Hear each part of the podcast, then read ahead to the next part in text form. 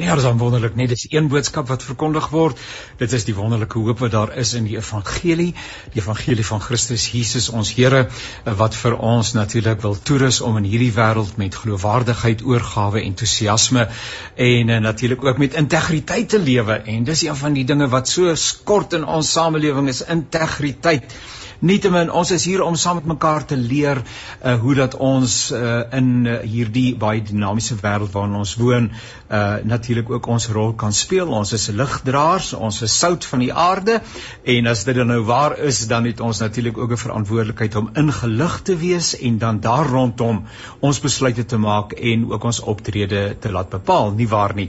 So baie welkom by hierdie aflewering van Perspektief. Dis 'n heerlike voorreg om saam met julle te kuier. Ek sê vir jou sommer baie baie baie dankie uh, dat jy ingeskakel is. Onthou na die tyd sal hierdie program beskikbaar wees as 'n potgooi by www.radiokansel.co.za en daar kan jy weer keer daarna luister. Ek verwelkom my gaste, twee gaste met wie ons lekker gaan saamkuier. In die eerste plek Dr. Llewellyn Kerloos. Hy's 'n strafregkenner, dosent by Universiteit van Pretoria en 'n hele klomp ander stoele waarop hy sit. Goeiemôre. Uh Dr. Llewellyn, gaan dit goed met u? Baie dankie Janie, dit gaan lekker. Hoe gaan dit daar self met jou? Baie baie dankie, dit gaan goed. Kom ons hoor net, ons het ons ander gas, dit is eh, professor Pieter Labeskagni.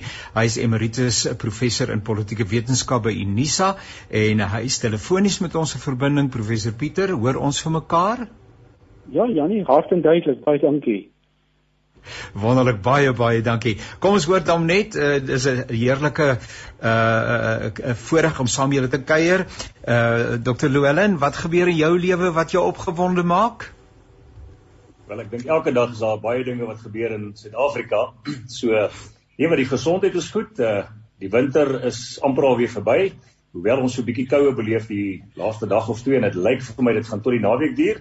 Maar andersins uh is daar nie wesenlike klagtes nie vandat ek en jy laas gepraat het, was ek darm so een of twee keer in die buiteland gewees uh met werk, maar uh ek is terug en dit is lekker om weer in Suid-Afrika te wees.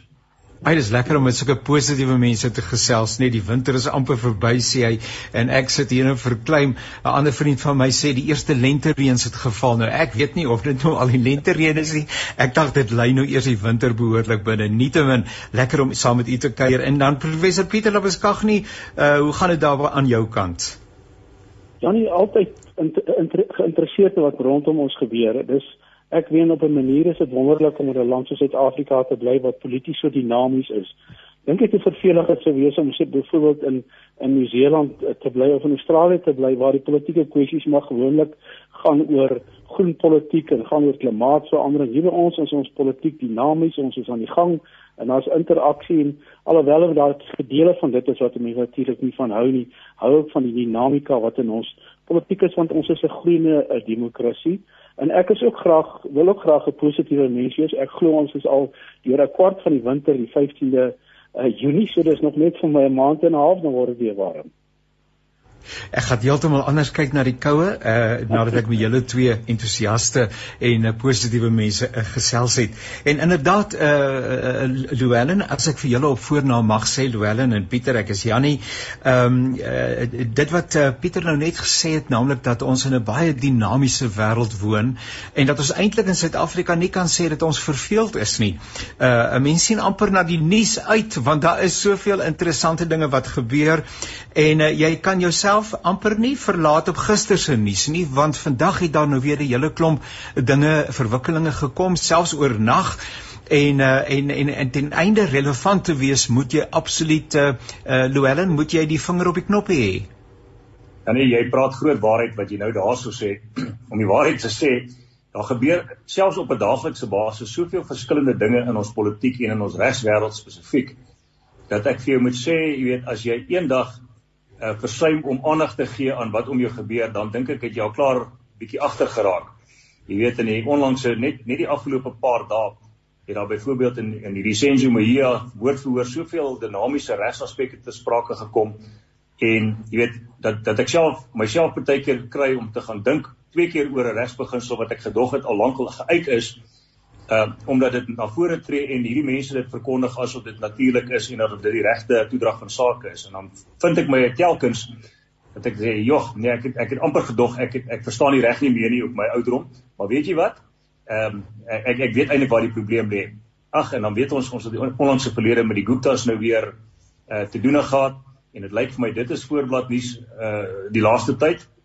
Nie eers te praat van al die ander uh goed wat op 'n daaglikse basis plaasvind. Jy het sopas op die nuus ook verwys daarna of jou kollega ten minste in die voormalige Port Elizabeth met die watertekorte wat daar plaasvind ten spyte van die baie reën wat elders in die land geval het. So ja, Pieter het reg opgemerk dat daar soveel dinge gebeur hierso om ons op opgewonde oor te maak dat ons ten minste nie kan kla dat ons lewe vervelig en saai is nie.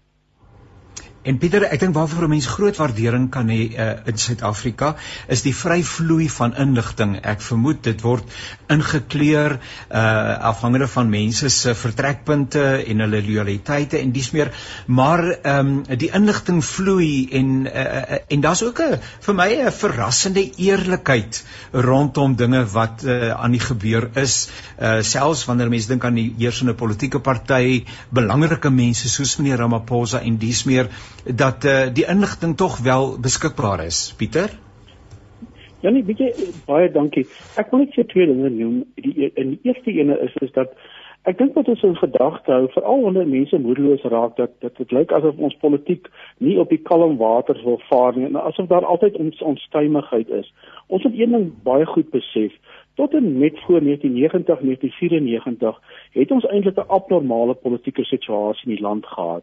Ons het 'n binneparlementêre die ou apartheidsregering gehad en dan ons 'n buiteparlementêre eksterne uh, regering gehad eintlik in die ANC wat politiek soort van buite die stelsel bedryf het. Met ander woorde vir ja. vir sien maar van 1910 tot 1994 vir 84 jaar het ons amper hierdie onnatuurlike politieke situasie gehad en al wat besig is om te gebeur eintlik is van 94 af begin ons politieke stabiliteit te bereik omdat ons werklik mekaar nou kan konfronteer binne 'n parlementêre stelsel en nie met met een party wat buite die stelsel staan en dan gewelddadig probeer om, om binne die stelsel te kom nie. En natuurlik gaan dit tyd neem. Geen demokrasie konsolideer binne 30 jaar nie. Dit vat, ek is jammer te sê, dit vat dikwels dekades vir vir politiek om werklik in 'n demokrasie om uh, om te stabiliseer. So ek dink dit is 'n dit is 'n belangrike aspek wat mense in gedagte moet hou. Mense het maar altyd uh, hierdie soort van dinamiese kwessie. Die ander een is is dat ek dink wat verskriklik belangrik is, as iemand vir my sê dat kan jy net een aspek uitsonder wat wat belangrik is vir die demokrasie. Daar's natuurlik 'n klomp, maar die een wat vir my die mees belangrike is, het jy reeds genoem, die vryvloei van idees. Die feit dat in die parlement dinge gesê kan word en dat die media kan rapporteer en kan kritiseer is is is iets wat nog nie bedreig word in ons land nie. En dit dit hoort mense uh, moed te gee. Ja, dit was vra mense vir my as ek nou 'n bietjie krities is teenoor die regerende party. Is jy nie bang vir wat jy sê nie? Dan sê dit het nog nooit by my opgekom nie. Die blote feit dat ons kan en dat die media kan kritiseer en dat op radiostasies mening kan gee wat wat afreg teen die regering is en dat politieke partye uh, vir Ramaphosa kan aanval oor die hantering van die diefstal op sy plaas. Dis alles goeie tekens vir 'n demokrasie. En dit wys dat 'n demokrasie ten spyte van al die ander vrae watte kerngesond is journalistieke vryheid. Ons is daarvoor baie baie dankbaar. Ook wat hierdie program betref, uh, kon ons en het probeer ons ook eerlik uh, eerlik met mekaar gesels. Uh dit ter wille van inligting, so die gedagtes wat hier uitgespreek word, is nie noodwendig die van Radio Kansel of van myself nie, maar ons is hier in 'n potgooi situasie en ons gooi dit in en ons oorweeg dit en uiteindelik laat ons vir elke luisteraar toe om sy of haar eie gedagtes natuurlik te kan vorm. Nou uh Pieter het nou juis verwys Louwelen na meneer Ramaphosa en die gebeure op sy wildsplaas. Daar word op verskillende maniere daarna verwys. Sommige sê Farmgate hoor ek, ander sê dis Dollargate en allerlei soorte gates uh en dis meer. Uh kollegas, sal julle vir ons help asseblief uh, om 'n bietjie perspektief te gee. So wat weet ons op hierdie stadium uh, uh en wat rondom die gebeure uh al daar uh laat die wenkbroue lig. Uh, so Luelen, kan jy vir ons inlei asseblief en Pieter help uh, uh, uh wat is dit rondom hierdie saak? Uiteindelik iemand het geld by hom gesteel. Hy nie iemand se geld gesteel nie. So voel dit op partyke vir my. En uh, nou uh, is daar nou al hierdie uh vanvare rondom die saak. So asseblief Llewellyn, kom ek begin by jou. Reg, dankie uh Janie, ek gaan dit baie kort en kripties hou en ek dink dit sal die essensie miskien openbaar. Ehm um, Arthur Fraser weet ons wat die voormalige kommissaris van uh gevangenes was of uh en en en op 'n stadium natuurlik ook ons kom ons noem dit ons groot spioen in die land was die die die die die die groot baas van die spioene in Suid-Afrika, nasionale intelligensie en dis meer. Hy het 'n uh, eetsverklaring gaan aflê so ruk terug waarin hy 'n klagte aanhange gemaak het teen president Cyril Ramaphosa. Ehm uh, nou goed, dit is onder eed met ander woorde ons moet vir mekaar regtig sê dit word baie ernstig beheer want hy moet hy is by uitstek moet weet wat die implikasies is as jy 'n valse eetsverklaring aflê dat jy jouself skuldig maak aan selfkriminele gedrag met ander woorde goed soos myn eet en dis meer. So op sig waarde moet ons aanvaar dat dit wat hy daarin gesê het waarskynlik ehm um, 'n mate van meriete het of ten minste uh uh die howe sal noodsaak om na te kyk. Dis die eerste aspek. Goed. Hy is nie klaar in die aangeleentheid en dan sê hy president Cyril Ramaphosa het homself skuldig gemaak aan 'n paar misdrywe. Nou goed, ek ek moet van die staatspoor af en Pieter sou beter weet as ek wat dit dan betref. Dink ek dit is 'n dit is baie uh die, die tydsberekening is baie toevallig. Uh en ek dink dit is met met opset so gedoen uh veral gesien in die lig van dit wat in Desember moet plaasvind in die ANC se geleedere rondom die verkiesing uh hulle nasionale uh protokolle en verkiesings wat gaan plaasvind. So ek dink die tydsberekening is suspisieus, maar kom ons kyk na die inhoud want dis die vraag wat jy vir my gevra het. Die vraag is het president Cyril Ramaphosa homself skuldig gemaak aan enige misdaad soos wat beweer word? Want as dit so is, dan lyk dit vir my in terme van hulle eie op sy staan reël sogenaamd, ehm uh, is daar dan nou hierdie faksie wat wil hê hy moet dan nou homself distansieer van die politiek vir net soos wat gebeur het met van sy kollegas in die onlangse verlede en is letterlik 'n geval van weet as jy kan uitdeel moet jy ook kan vat. Ek dink dit is die opvatting wat daar bestaan. Nou goed. Hy was 'n slagoffer gewees van 'n misdaad in die sin van dat daar geld by hom gesteel was op sy plaas Palapala hier so buitekant Bella Bella in die Limpopo provinsie. Uh nagenoeg 4 miljoen of meer sogenaamde Amerikaanse dollars. Nou goed. Uh om 'n slagoffer te wees maak jou nie 'n misdadiger nie. Om die waarheid te sê, hy was natuurlik in die buiteland gewees op die stadium toe hierdie inbraak plaasgevind het. So ja. ons kan nie kritiek lewer rondom daardie aspek. Uh ek weet nog nooit was 'n slagoffer 'n misdadiger noodwendig nie, maar hier kom die probleem aspekte vir hom in. Die feit dat dit in die eerste plek uh Amerikaanse valuta was, Amerikaanse dollars, uh en die bedrag wat betrokke is. Jy weet, daar is 'n 'n wet in Suid-Afrika, die sogenaamde uh FICA wet, Financial Intelligence Center Act, is die Engelse um, term wat gebruik word om wetgewing om presies te wees. Wat spesifiek bepaal dat die oomblik as jy meer as byvoorbeeld R25000 kontant iewers ontvang, dan moet jy dit rapporteer aan daardie instansie. En daar's 'n goeie rede daarvoor want ons wil seker maak punt 1 dat die ontvanger van inkomste sy deel van daardie transaksie gekry het want andersins is dit letterlik warm geld wat uh, geskei word van een sak na ander waarop die ontvanger nie sy hande kan lê nie en dit is natuurlik oortredings van waarskynlike oortredings van SARS wetgewing. Mm -hmm. In die tweede instansie is die vraag natuurlik rondom valuta beheer. Ek en jy kan nie met buitelandse valuta rondloop uh sonder om dit noodwendig aan die bank terug te betaal of te rapporteer of toestemming van die reservebank te kry van tyd tot tyd om dit in jou besit te hê nie. En dan is daar ook baie streng reëls wat daarom uh, geld. As jy môre oor see gaan, moet jy byvoorbeeld jou hele vliegtuigkaartjies met jou uh, verblyf en alles openbaar aan die bank en hulle neem afskrifte van jou paspoort en ag, dit word gestoor op 'n uh, op die inligtingstelsel sodat daar nie later gesê kan word jy het handel gedryf in in buitelandse valuta nie, want dit is ook onwettig om dit te doen. So daardie is ja. 'n tweede aspek wat baie belangrik is om te sprake kom. Uh, en dan natuurlik die groot vraag wat gevra word is waar kom daardie geld vandaan? Hoe kom jy in besit van soveel miljoene Amerikaanse dollars? Ehm uh, daar moes een of ander transaksie of transaksies plaasgevind het. En daar is nou opmerking gemaak dat dit waarskynlik uit die verkoop van wild was. Ehm uh, maar selfs dan is daar natuurlik ook belastingimplikasies. Ek en jy kan nie transaksies doen kontant transaksies sonder natuurlik om belastingimplikasies in ag te neem en die regmatige belasting oor te betaal wanneer daai transaksie gefinaliseer is nie. So die vraag is is dit warm geld wat hande verwissel het want as dit so is dan kan dit waarskynlik onder die sogenaamde POCA wetgewing val. Nou POCA is die afkorting vir die Engelse Proceeds of Organised Crime Act. Uh enige geld wat op onregmatige wyse bekom is en wat jy dan tot jou eie voordeel of ander se voordeel natuurlik aanwend, ehm uh, is 'n misdaad en wat baie ernstige implikasies het in langtermyn tronkstrawe voorskryf deur die wetgewing statutêr gesproke. En laastens maar nie die minste nie op hierdie aspek is natuurlik die vraag rondom die moontlike oortreding van die 2002 korrupsiewet. Nou, anders as die sy ewe knie in die 94 wet as ek reg kan onthou, is die huidige korrupsiewet baie wyder as hy verwys na die definisie van gratifikasie wat hande verwissel. En beide die ontvanger sowel as die deler of die uitdeler van hierdie gratifikasie maak homself van tyd tot tyd skuldig indien hy 'n gratifikasie uh sommer vir een of ander uh wyse uitdeel. Nou wat gratifikasie is, het ons nie tyd ongelukkig vandag om te hanteer nie want artikel 3 is letterlik so wyd soos ons Heer se genade uh en dit sluit baie baie baie dinge in. Uh om die waarheid te sê, dit wat hier plaasgevind het kan baie maklik geïnterpreteer word as binne die kader te val van artikel 3 van die korrupsiewet. En dan beteken dit ons staatspresident het direk of indirek homself moontlik skuldig gemaak aan daardie misdaad. Nou as dit so is, ja, en ek sê nie dit is so nie, moenie my verkeerd verstaan nie, hy is nog nooit skuldig bevind aan enigiets nie en dit lyk vir my hulle wil hom beskerm teen 'n vervolging.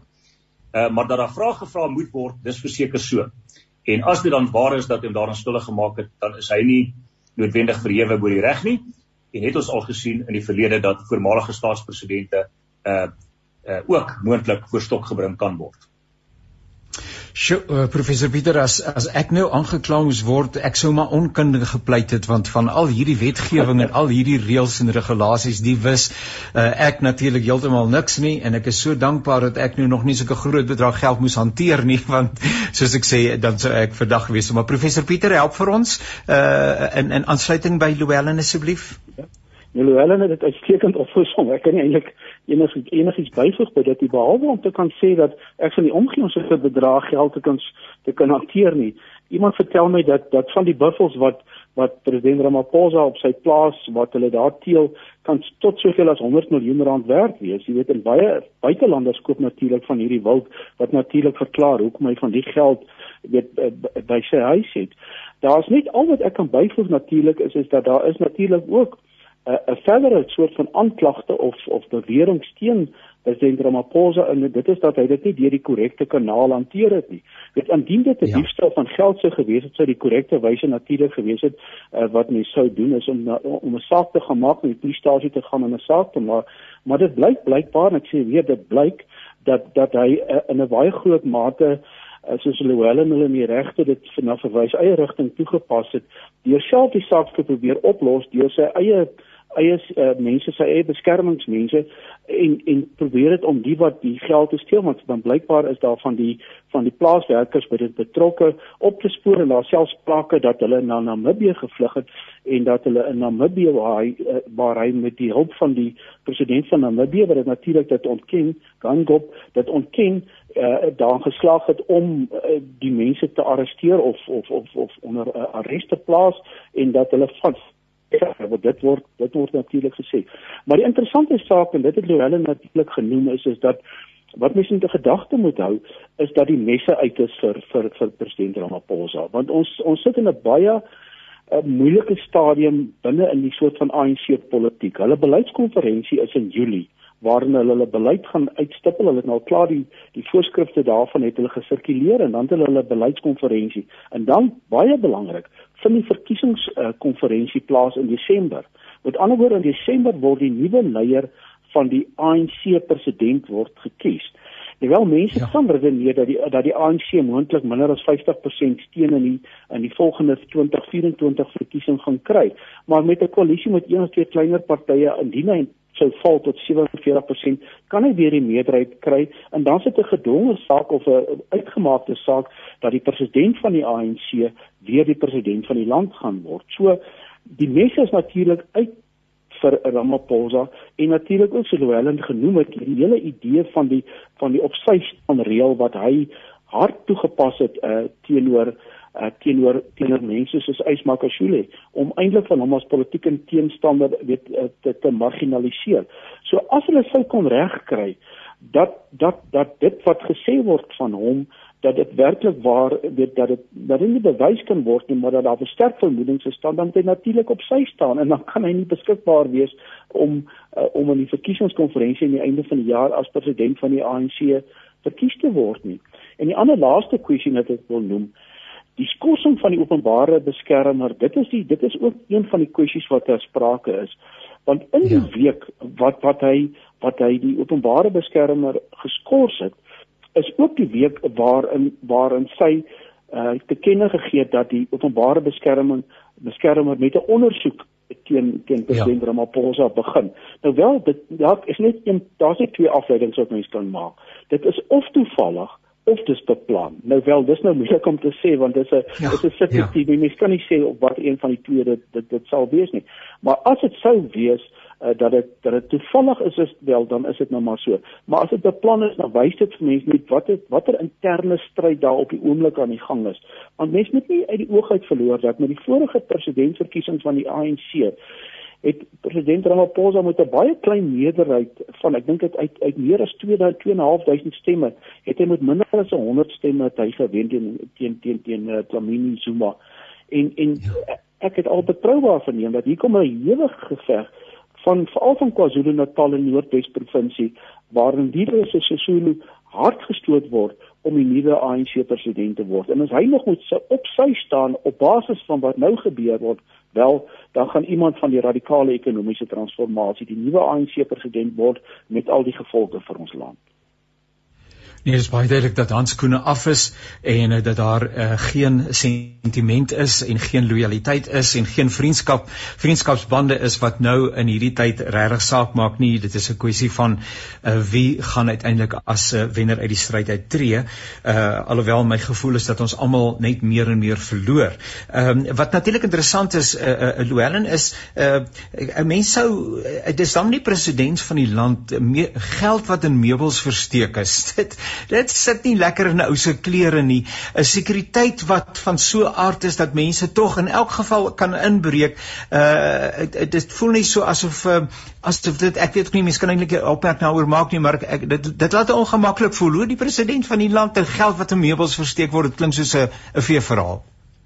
Ja, kyk, ons moet vir mekaar reguit sê dat president Ramaphosa een van die rykste persone in die wêreld is. Uh, nie eers te praat van Afrika of in Suid-Afrika nie. So, ek dink in in in sy agterkop is 4 miljoen dollar of selfs 100 miljoen dollar waarskynlik klein geld. Soos wat Pieter reg opgemerk het, op sy plaas loop daar buffels rond wat een stuk twee meer as daardie tipe van fondse en geld uh, regverdig. So uh ja, wat wat wat vir ons groot klomp geld is is is waarskynlik vir president Ramaphosa klein geld as ons so as ja. dit sommer so tong in die kies kan stel. Uh maar ja, waar steek jy geld weg in kontant op jou plaas uh as jy dit nie in 'n bankrekening wil gaan betaal of belasting wil gaan betaal nie. Ek meen, dan moet jy maar die eerste beste plekke begin soek. Daar's net soveel plekke in jou kluis en ons weet almal dat dit die eerste plek is wat inbrekers na gaan. Hulle vra waar is die kluis se sleutels en hulle waarskynlik as dit uh natuurlik uh 'n voorbedagte rade plaasvind en daar is uh, samewerking met van jou huiswerkers of jou plaaswerkers, dan weet hulle presies waar die kluis en die sleutels ook is. So dit sou 'n dom plek wees om geld weg te steek. Maar nou ja, ek kan my nie uitlaat daaroor nie. Daai feite moet ja. bewys word as dit ooit in die hof te sprake kom. Uh maar inderdaad, uh soos wat Pieter opgemerk het, jy weet daar's baie ander vraagstukke wat ook te sprake kom. Ek het dit nie eers aangeraak nie. Hy het daarna verwys en dit is die vraag rondom jy weet, was daar sprake van ontvoering betrokke? Ja, ja. Is daar ja. sprake ja. van daardie tipe van misdade uh wat lyk my oor landsgrense heen plaasgevind, selfs wat Namibië betref. So, jy weet, dit is allerlei vrae wat wat lastig is en wat president Ramaphosa tot op hede geweier het om doeteenvoudig te antwoord. Hy het net sy enigste antwoord of verweer teen al hierdie hierdie aantuigings was doeteenvoudig om te sê maar ek het dit gerapporteer ja. by die presidensiële tak van die polisie en hulle is maar net 'n onderafdeling van die polisie. So ek het my werk gedoen deur die misdaad te verklaar. Ja. Nou ons weet definitief daar is kring televisie materiaal wat bewys en wys dat daar 'n inbraak plaasgevind het. So daai is geuit. Dit is ja. nie eers in twyfel nie. Uh en dat ons ook selfs weet wie die beweerde oortreders is. Correct, en ja. miskien ja. is die antwoord daarin geleë dat daardie persone dan nou maar moet opgeroep word deur die vervolgingsgesag om het sy dan as medebeskuldigers uh aangekla te word of dalk van hulle as staatsgetuies te draai teen van die ander beweerde oortreders. Jy weet daar is so baie dinge wat kan plaasvind en net ja, tyd sal ja. ongelukkig leer hoe hierdie dimensies mekaar gaan uitspeel want uh strafsaake werk maar maar eendag so dat die eendag kan jy die beskuldigde wees en jy kan die volgende oomblik kan jy 'n staatsgetuie wees teen 'n ander persoon in 'n saak. So daar's baie uitkomste wat in die uitsig gestel kan word, maar ek sê weer eens en dit is dit is maar ongelukkig so. Dit kom op 'n baie baie baie slegte tyd vir ons president en op die beste scenario vir hom sal dit definitief uh, uitgebuit word deur oppositiepartye, uh deur die radikale ekonomiese faksie van die ANC want dit pas hulle op hierdie stadium. Of daar nou Marite daarin is of nie, uh dit gaan definitief een of ander wyse gaan dit hom uh, polities seermaak. Professor Pieter, eh, waarom sou uh, en Llewellyn die die die stilswye van meneer Ramaphosa verras?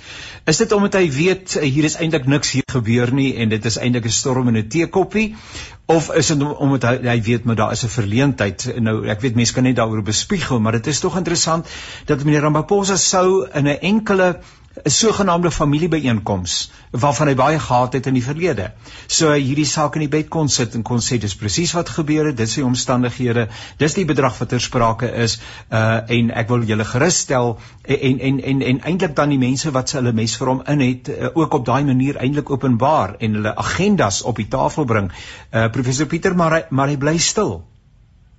Ja, ja nee, ek wil net noem so hulle het iets tong in die kies gesê. Ek wil ook iets in die tong in die kies sê ek sien dat Karel ne Karel Neus het ook nou 'n 'n klag teen Ramaphosa gelê en en Karel Neus bly vir my 'n interessante figuur. Hy's die enigste mens wat ek sien wat kamoufleerdrag aantrek om raak gesien te word. Gewoonlik wil ou met kamoufleerdrag nie raak gesien word nie, maar hy's nou jy sou 'n kamoufleerdrag aan het om raak gesien te word. Weet jy, ek dink natuurlik, ek dink natuurlik hoe hy da, dit is nou moeilik om te sê hoe president Ramaphosa ja. oor dit voel. Maar baie ja. keer indien indien jy jouself begin verdedig, uh, nee, dan dan het dit 'n manier om 'n uh, weet 'n tipe aksie reaksie tipe van houding te hê. Uh, ek dink wat soos Helen genoem het, hy het gesê, luister, dit is wat gebeur het. Ek het dit gerapporteer, ja. dis 'n opdeling van die polisie, punt en klaar. Finish en klaar soos wat Celebi destyds gesê het en hy hoop dit eindig daar. Maar maar maar die ding net is is dat in die parlement dit dit sal nie die saak sal nie die stof sal nie gaan lê nie. Dit hulle bloed geryk en en en en die messe is uit. So ek ek dink as 'n mens dit hoop, is dit naïef. Politiek werk nie so nie. Hulle sal probeer om die maksimum voordeel uh uh uit dit te trek. En dit is eintlik baie jammer as 'n mens net die hele ding sou terugrol 3, 4 jaar na al die onstabiliteit wat ons gehad het met met die voormalige president Zuma het ons ja. het ons 'n leier gehad wat vergelyk het asof hy standvastig is en asof hy asof hy wat korrupsie betref en wat allerlei ander aspekte betref asof hy iemand is waarop ons werklik kan steun wat werklik waar jy weet 'n voorbeeld vir ons almal is en daai stabiliteit gee. En dis dis die ja. eerste keer werklik wat ek kan onthou waar daar werklik 'n saak van erns teen hom ingebring word. En in die ander sake wat daar was weet ek het nie veel van gekom nie maar hierdie is die eerste ernstige saak en is 'n groot toets. En dit kom eintlik weer eens op 'n baie slegte tyd. So ek net nou gesê het, ons is is in Junie, binne 4-5 maande word die president van die ANC verkies wat hoogs moontlik in 2024 die president van die land gewees. En ons kan nie weer 'n situasie bekostig waar ons iemand uit daai radikale ekonomiese transformasie goed kry wat in van hierdie land gaan wees nie. Want dit gaan vir ons dood eenvoudig probleme bring. Ek kan ure hier oor dit praat, maar ek wil net volstaan om dit te sê is dat wat ons nodig het is hierdie stabiliteit op die hoogste vlak in die regering. En president Ramaphosa het dit vir ons verlang gebring in moeilike tye in die land en, en dis baie jammer dat dat dat dit gebeur het. Jy weet en ek ek dink miskien moet hierdie hele saak nou maar tot op die been oopgevlek word sodat sodat alles nou kan bespreek word want die stof hieroor gaan nie lê nie. Inderdaad, nou ja, ek dink nou maar sien net sommer net dat mense sou kon sê Uh, maar maar wat het hier met dan nou met Christene te doen en ook met 'n Christelike radiostasie te doen maar alles inderdaad alles omdat dit vir ons temas gee uh, wat ons ook in ons gebedslewe op intelligente wyse kan inweef. Uh, gebed is nie sommer net iets wat in die lug rondhang nie maar 'n ou bid op 'n intelligente wyse En 'n mens sou bid vir die waarheid ook omdat uh, God 'n God van waarheid en regverdigheid is uh, en van redelikheid. Net 'n laaste saak rondom hierdie saak voordat ons 'n bietjie by die Guptas gaan kuier. Ehm um, naamlik uh, die arrogansie wat 'n mens nou byvoorbeeld iemand soos meneer Ysmagashule uh, Shuri uh, oplet uh, dat hy sê uh, dat ek myself in elk geval aan die einde van die jaar gaan verkiesbaar stel sou ek genomineer word uh, en dis meer ehm um, uh, ek ek besef soos ons sê die handskoene is uit maar dit val mense op hoe arrogant uh, iemand soos hy byvoorbeeld kan optree Llewellyn Ja, dit eh uh, dit my kollega Pieter het daar verwys na daai nar met sy kamoufleerdag. Ehm um, jy weet, en mens kan nie anders as om hom 'n nar te noem nie want hy is letterlik soos 'n soos een van hierdie verkleermannetjies wat elke dag van van van kleur en van voorkoms verander soos wat dit natuurlik sy saak pas. Maar wat Ysma Gesuli aanbetref, jy weet, uh, dit sal 'n tragiese dag wees as hy toegelaat word om ten spyte van hierdie interne protokolle wat nou van stapel gestuur is geruk gelede deur die ANC dit dood eenvoudig ignoreer um, en eintlik die die ANC uitdaag jy weet om om om daar weg te boender soort van.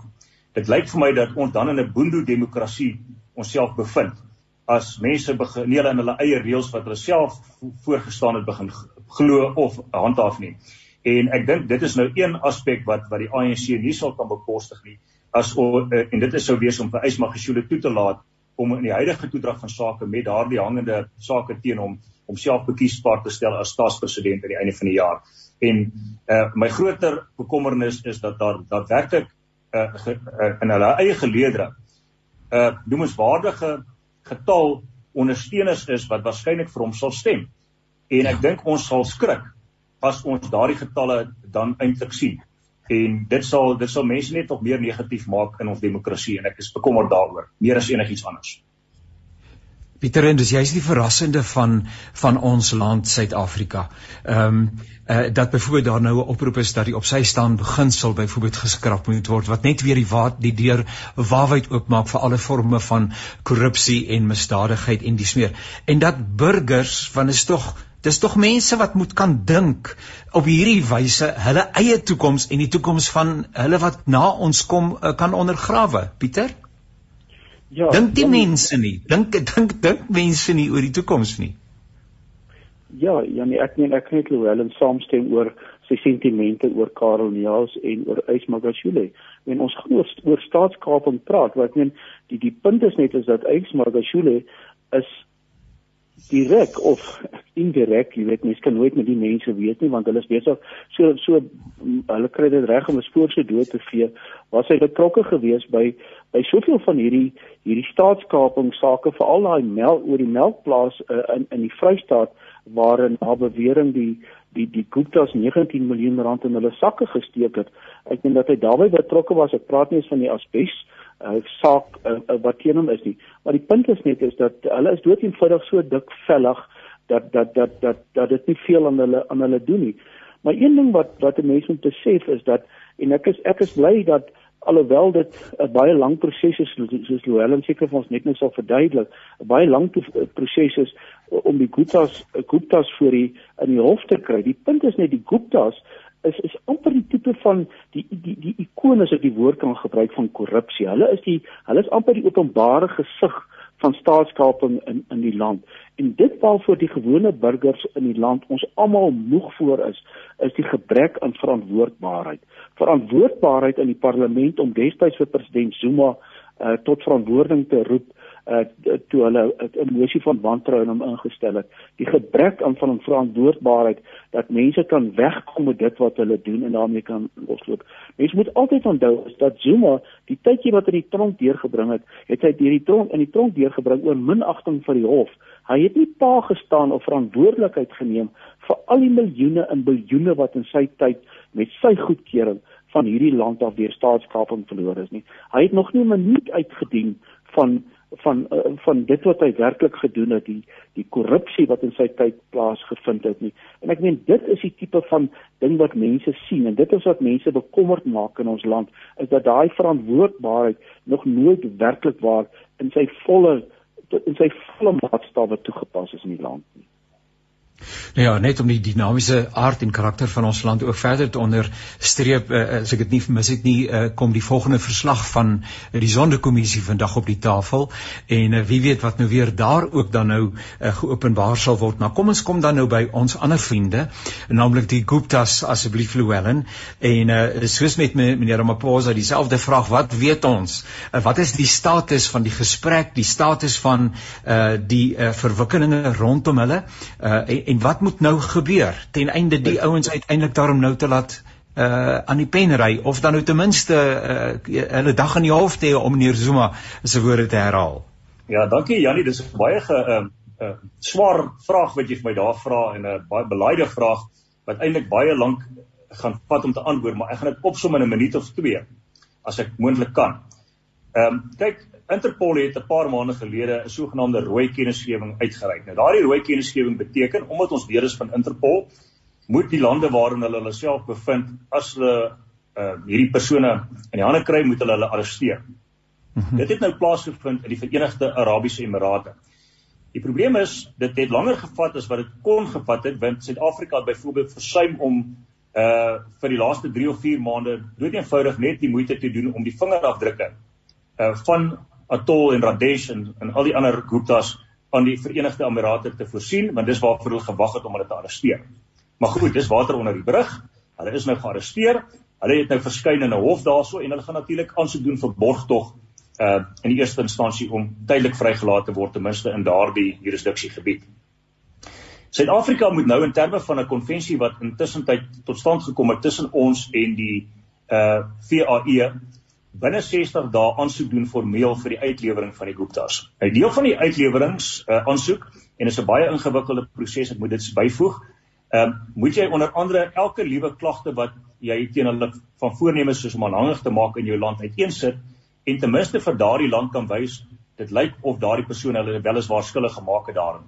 Dit is ons eerste probleem waarmee ons sit.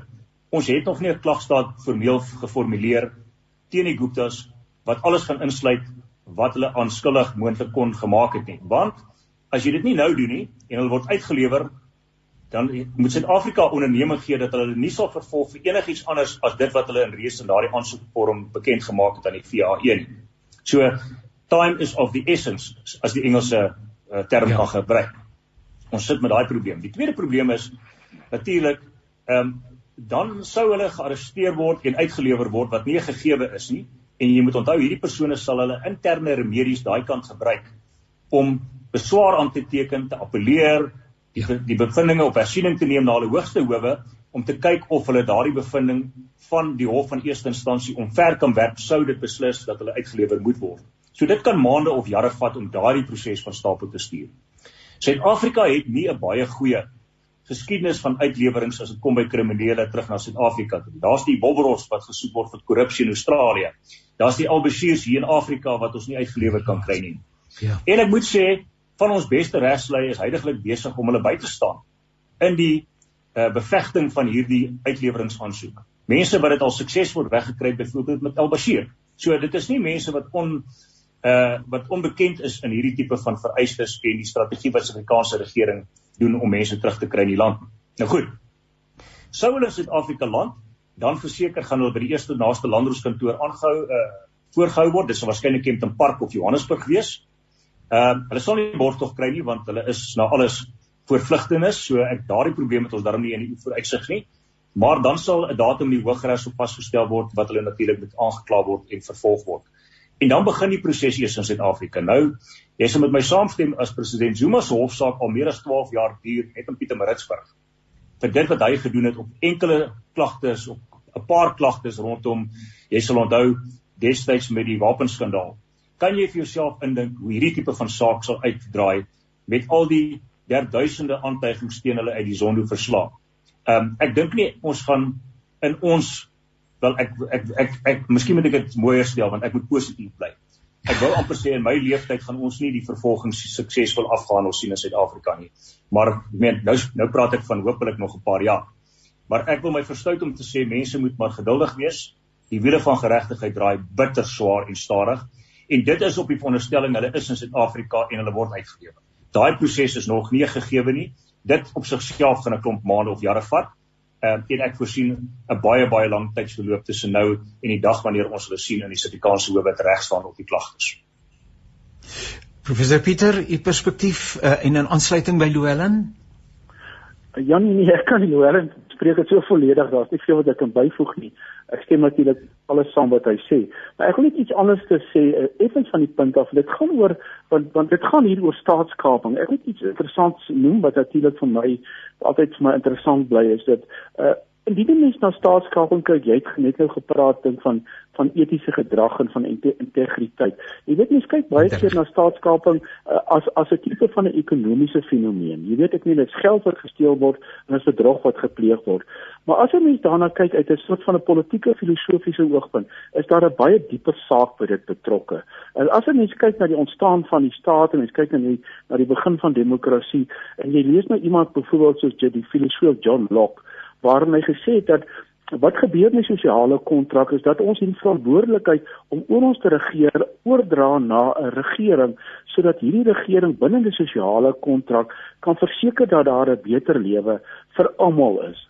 Dit is die doel waarin ons die die die, die individu sy bepaalde reg oordra in 'n sosiale kontrak aan 'n staat om namens hom uh, op te tree, maar op so 'n wyse dat dit tot 'n voordeel van die mense in die land as as geheel is, tot hulle voordeel is. Nou wel, dit is bloot 'n soort van 'n teoretiese ding wat mense is natuurlik nooit nooit gelyk nie, mens maar altyd binne in 'n stelsel van ander kapitalistiese stelsel het mens maar hierdie ongelykheid. Maar ten minste binne perke dat daar daar 'n mate van gelykheid is.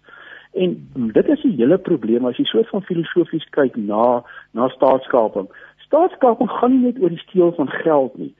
Dit is 'n parallelle regering wat geskep word wat die wat die Gupta's geskep het. Onthou, 'n parallelle regering tot so tot, so mate dat hulle ministers wat die primêre verantwoordelikheid van 'n van 'n president word, dat hulle ministers aangewys het. Dink net aan jouself, 'n klomp skelms wat in sit en hulle wys ministers aan. Ek hoe spokkend kan dit wees?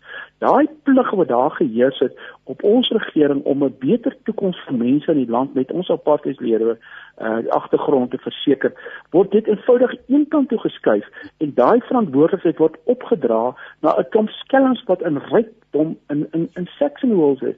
Dit is eintlik 'n verskriklike ding wat iets na na kyk. Hulle het werklik waar die siel van van van van ons volk het hulle gesteel. Want dis waarop dit neerkom. Hulle het hulle dit ja. weggegee. En dit is die skokkende aspek vir my van dit van dit alles. Jy weet is dat hulle dit gedoen het. Ek weet dit as 'n mens net daaraan dink, daar word bereken en en mense sê dis konservatief dat die Gupta's in totaal 49 miljard rand Dink net wat kom ons met 49 miljard rand in hierdie land gedoen het. Soos ons hier praat is daar mense besig om van honger te sterf. Mense wat koud kry omdat hulle nie huisvesting het op 'n koue dag soos vandag nie. Maar dit laat toe dat amper 50 miljard rand in die sakke van mense uh, beland, weet in uh, uh, geweerlose misdadigers uh, beland. Ek meen dit is die skokkende aspek daarvan dat hulle daai vertrouensposisie, daai vertrouensposisie wat wat hulle wat hulle uh, ook 'n eed voor uh, gesweer toe met hulle te, met hulle amptsinwyding dat hulle sal ja. omsien aan die voordeel van die land, dat hulle dood eenvoudig dit eenkant te stoot en toelaat dat dat 'n klomp rampokkers kom en dit dood eenvoudig by hulle oorneem.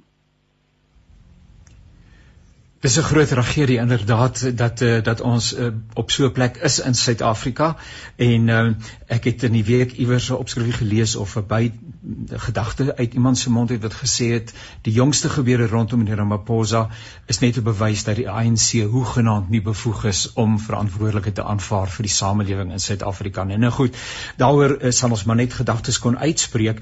Ehm um, kan ek net twee een ding nie gekontroleer en dan wil ek net 'n laaste vraag vra terwyl hulle van die tyd maar uh, Helen, eh, ek het nou gister ook geluister, daar was eh, 'n uh, webinar wat aangebied is News24 het 'n uurlange webinar gehad, uh, ook in die lig van dit wat uh, jy nou genoem het, dat die klagstaat sodanig geformuleer moet wees uh, dat dit die sake is wa, uh, waarvoor uh, wanneer die Gupta's uitgelewer word in Suid-Afrika, hulle dis ook aangekla word, maar dit is 'n druppel in die emmer So wat nou van die res van die 46 of 48 miljard waarvan professor Pieter gepraat het? Of is die gedagte dat hier nou ander mense op die tafel gaan kom wat geïmpliseer word en dat op daai manier geregtigheid geskied? Maar uh, dit lyk nie vir my asof hulle of kan daar 'n volgende klasstaat daarna ontwikkel word? Nee, dankie vir daai vraag uh, Jannie dit is so. Is miskien die die antwoord is 'n kombinasie van wat jy gesê het. Verseker hoop ons dat indien hulle in Suid-Afrika opdaag en kom getuig en hopelik gaan hulle swygreg uitoefen nie hulle gaan hopelik 'n verweer daarstel of 'n weergawe stel dan gaan ander mense geïmpliseer word en dan kan ons natuurlik daai mense vervolg want hulle is in Suid-Afrika. Maar in terme van internasionale konvensies rondom uh, uitlewerings is dit nou ongelukkig so en dit is 'n normale konsiele in enige internasionale konvensie kontrak van die aard dat jy net daardie persone sal uitlewer um, aan die land wat dit vra mis daardie land vir jou kan sê waarvan hulle aangekla kan word. Jy mag nie die buite die perke van daardie uh internasionale kom ons noem dit dan protokol gaan nie. So ons het een geleentheid om 'n klagstaat te formuleer teen hulle en wat ook al ons agterna vind ons wou bygesit het is te laat. So uh ons het die Suid-Afrikaanse regering sal nie en ek herhaal dit, hulle sal nie hulle internasionale integriteit op die spel plaas om daardie konvensie te oorskry nie. Ehm um, so ek is ek het ek het geen twyfel daaroor nie ons moet dit nou reg doen daai klagstaat en klaar kry en reg doen. Dit enerzijds. Tweedens, ons moet weet ons weet natuurlik nie wat die politieke politieke wil is om hulle noodwendig spoedig hier te kry nie. Want daar's twee dinge wat plaasvind hier. So ek het nie eens gepraat oor verjaring van hierdie saak na 20 jaar in terme van artikel 18 van die strafproseswet nie. So ons het net 20 jaar om hulle te vervolg en die helfte van daai tyd of langer is al reeds verby. En hulle is nog nie eens in Suid-Afrika nie. So verjaring loop. 1 en 2 baie van ons huidige leiers in die in baie vername poste is sekerlik ook maar bang vir dit wat mag getuig word en wat uitkom wanneer hulle eenmal in Suid-Afrika is. So ek weet nie regtig in die diepste wese van die ANC leierskap hoe gretig hulle regtig is om die Guptas natuurlik te vervolg nie. Maar dis maar my sentimente. Sjoe. Professor Pieter, ek wil vir u in Verloelen ehm um, 'n vraag vra wat op 'n persoonlike vlak lê en ons gaan daarmee ons program afsluit. Ehm um, luisteraars van regoor Suid-Afrika, uh, uh waarskynlik reg oor die wêreld omdat Radio Kansel Kaapse Kansel se rykwyte wêreldwyd is, luister gewone mense, grondvlak mense, gewone burgers, Jan hoe praat ons van Jan publiek nê nee? gewone mense en so aan uh, en vra hoe moet ek myself in so 'n land te midde van hierdie ehm um, goed orienteer wat hou my op koers? Wat laat my hoopvol bly? Ehm um, professor Pieter wat wat laat u opstaan? Uh, in terme van die politieke ek praat nou nie van ander sake nie maar die politieke omgewing waarbinne ons onsself bevind en die ehm um, en en die en, en onhoudbaarheid daarvan want dit is totaal en al onhoudbaar. Ehm um, wat wat laat u nog steeds glimlag behalwe die klein kinders? Nee, klein kinders het ek daarom nog nou nie ons te graag wil. Nee, Janie sê ek ek ek sien maar net altyd die volgende vir mense. As as as mense baie pessimisties is wat ek natuurlik heeltemal kan verstaan dat mense uh, pessimisties is oor wat in ons land gebeur. Maar ek probeer altyd vir mense sê is dat ek dink waarmee ons besig is in Suid-Afrika is 'n normaliseringsproses die die die die hele problematiek was is die feit dat die ANC vir so lank verban is is wat ons in die politieke wetenskap noem hulle het ontwikkel as 'n vangnetparty. Wat beteken dat hulle in die party het hulle 'n breë spektrum van mense van ver links tot ver regs. Jy weet hulle ek weet hulle hulle huisves kommuniste hulle huisves vakbond mense jy weet jy kan jy, jy kan letterlik opnoem van elke groep is daar tot die gematigde groep is daar En enige ander stadium moet hierdie normalisering plaasvind waarin hierdie amorfe party wat uit soveel verskillende groepe bestaan, moet hy skeer en ek glo dat die tyd is nader as wat ons dink daaraan. En wat dan kan gebeur dat is dat die gematigde groepe in die ANC na die middel van die politieke spektrum kan dryf waarin hulle met ander gematigde partye soos die DA in aanraking kan kom en 'n een of ander samewerkingsooreenkoms 'n sterk stabiele middelgedeelte in die politieke spektrum vorm. Baie soos wat mense in Duitsland kry. Duitsland se politieke stabiliteit bestaan uit jou Christendemokrate en sosiaaldemokrate wat wat wat links en regs van die van die van die van die spektrum daai nodige uh, stabiliteit in die middel van die van die politieke stelsel gee wat broodnodig is. Wat jy nie wil hê binne in 'n in 'n in 'n in 'n in 'n regering is waarin 'n ver links of 'n ver regse party in beheer is nie. Jy soek daardie middelspektrum groep en ek dit wat my laat glimlag is dat ek glo en kom ek sê ek hoop en dalk moet mense vir my bid dat uiteindelik die ANC in 'n gematigde en 'n radikale groep sal verdeel vir daai gematigde groep nader beweeg aan jou gematigde groep soos die uh, ICDP, die die, die uh, African Christian Democratic Party, die DA, die die die die die, die uh, Vryheidsfront, die party in die middel van die politieke stel dat dat dit daardie stabiliteit gee. Ek dink dan sal dit beter met ons land gaan. Die grootste gevaar en daarmee wil ek afsluit in ons land is radikalisme die radikalisme wat jy kry by die radikale ekonomiese transformasie en ekonomiese vryheidsvegters. Dis wat ons land nie wil hê nie. Wat ons land wil hê is 'n stabiele middelspektrum groep en dit moet een of ander tyd gebeur soos in in, in Duitsland, dat daai groep gevorm word. Professor Pieter uh, Labuskaghni, uh, baie baie dankie vir u deelname en hy is emeritus eh, professor in politieke wetenskap aan die Universiteit van Suid-Afrika. Heerlik om saam met u te kuier. Uh, Dr. Louwelen, hou daai horlosie onder aan jou rekenaarskerm dop. Uh, so 3 minute, 2 en 'n half minute. Wat laat jou glimlag? Ek ek gaan dit korter as dit doen self. Uh, Janie jy kan my by daai gebonde hou. Uh, ek dink die antwoord is baie eenvoudig braaivleis, sonskyn en Chevrolet of miskien in Suid-Afrikaanse konteks meer Toyota. Ehm um, maar dit dit gesê, ehm um, jy weet die wêreld is 'n troebelplek. Suid-Afrika is nie die uitsondering op die reël nie. Ehm um, in, in enige gegeewe oomblik op hierdie stadium dink ek sal ek liewer by bevind in Suid-Afrika as wat ek my byvoorbeeld in in Rusland of in daardie dele van die van die wêreld bevind. Ehm um, ek praat nie eers van die onluste in Palestina en in daardie gedeeltes van die Midde-Ooste nie. So kom ons sê dit vir mekaar reguit. Ons Suid-Afrika uh, is maar net nog 'n voorbeeld in die wêreld wat ook deur baie diep waters van tyd tot tyd gaan. 1 en 2 uh jy weet ons moet vir mekaar sê die geskiedenis herhaal homself, maar veral uh, op 'n radiostasie soos Radio Kansel wat uh, wat wat ons mekaar reguit sê is geloof, hoop en liefde en dit wat die Bybel voorstaan is natuurlik voorop. Ons Suid-Afrikaners het al baie baie dinge deur die dekades oorleef. Van 'n vryheidsoorlog of twee, deur die depressie, deur twee wêreldoorloë en ons is nou net in 'n politieke uh, oorlog. Dis maar al. Ek dink dit gaan ook verbygaan soos wat uh, Pieter tereg opgemerk het. Ehm uh, tyd genees alles en ek dink solank as wat ons besef dat uh, daar 'n hoër hand is wat natuurlik al hierdie goedes onder sy beheer het, dan is dit regtig nie die einde van die wêreld nie en kan ons tussen dit wat ons heidaglik beleef oorleef. Ek dink nie daardeur moet ons sê ons moet apaties wees en terugsit en nie uh ons kommer uitspreek en van tyd tot tyd natuurlik opstaan vir wat reg is nie want ek dink dit is ook wat van ons verwag word as Christene byvoorbeeld. Maar uh aan die einde van die dag ehm uh, dit is maar hoe die wêreld draai en uh ons kinders en agterkleinkinders gaan waarskynlik terugkyk hierna en sê maar Jessie dit was eintlik toe nou nie so erg gewees nie. Ehm um, so kom ons kom ons wees positief. Uh ek ek ek dink daar is baie rede om te glimlag ten spyte van dit wat ons elke dag uh, moet polities aanvaar en partykeer baie baie baie op ons tande kners om nie um, te skree en te gou nie maar dit is maar my sentimente. Dis Dr. Luan Carlos, hy's 'n strafregkenner, ook verbonde aan die Universiteit van uh, Pretoria ensovoorts ensovoorts. Baie baie dankie dat ek saam met julle kon kuier.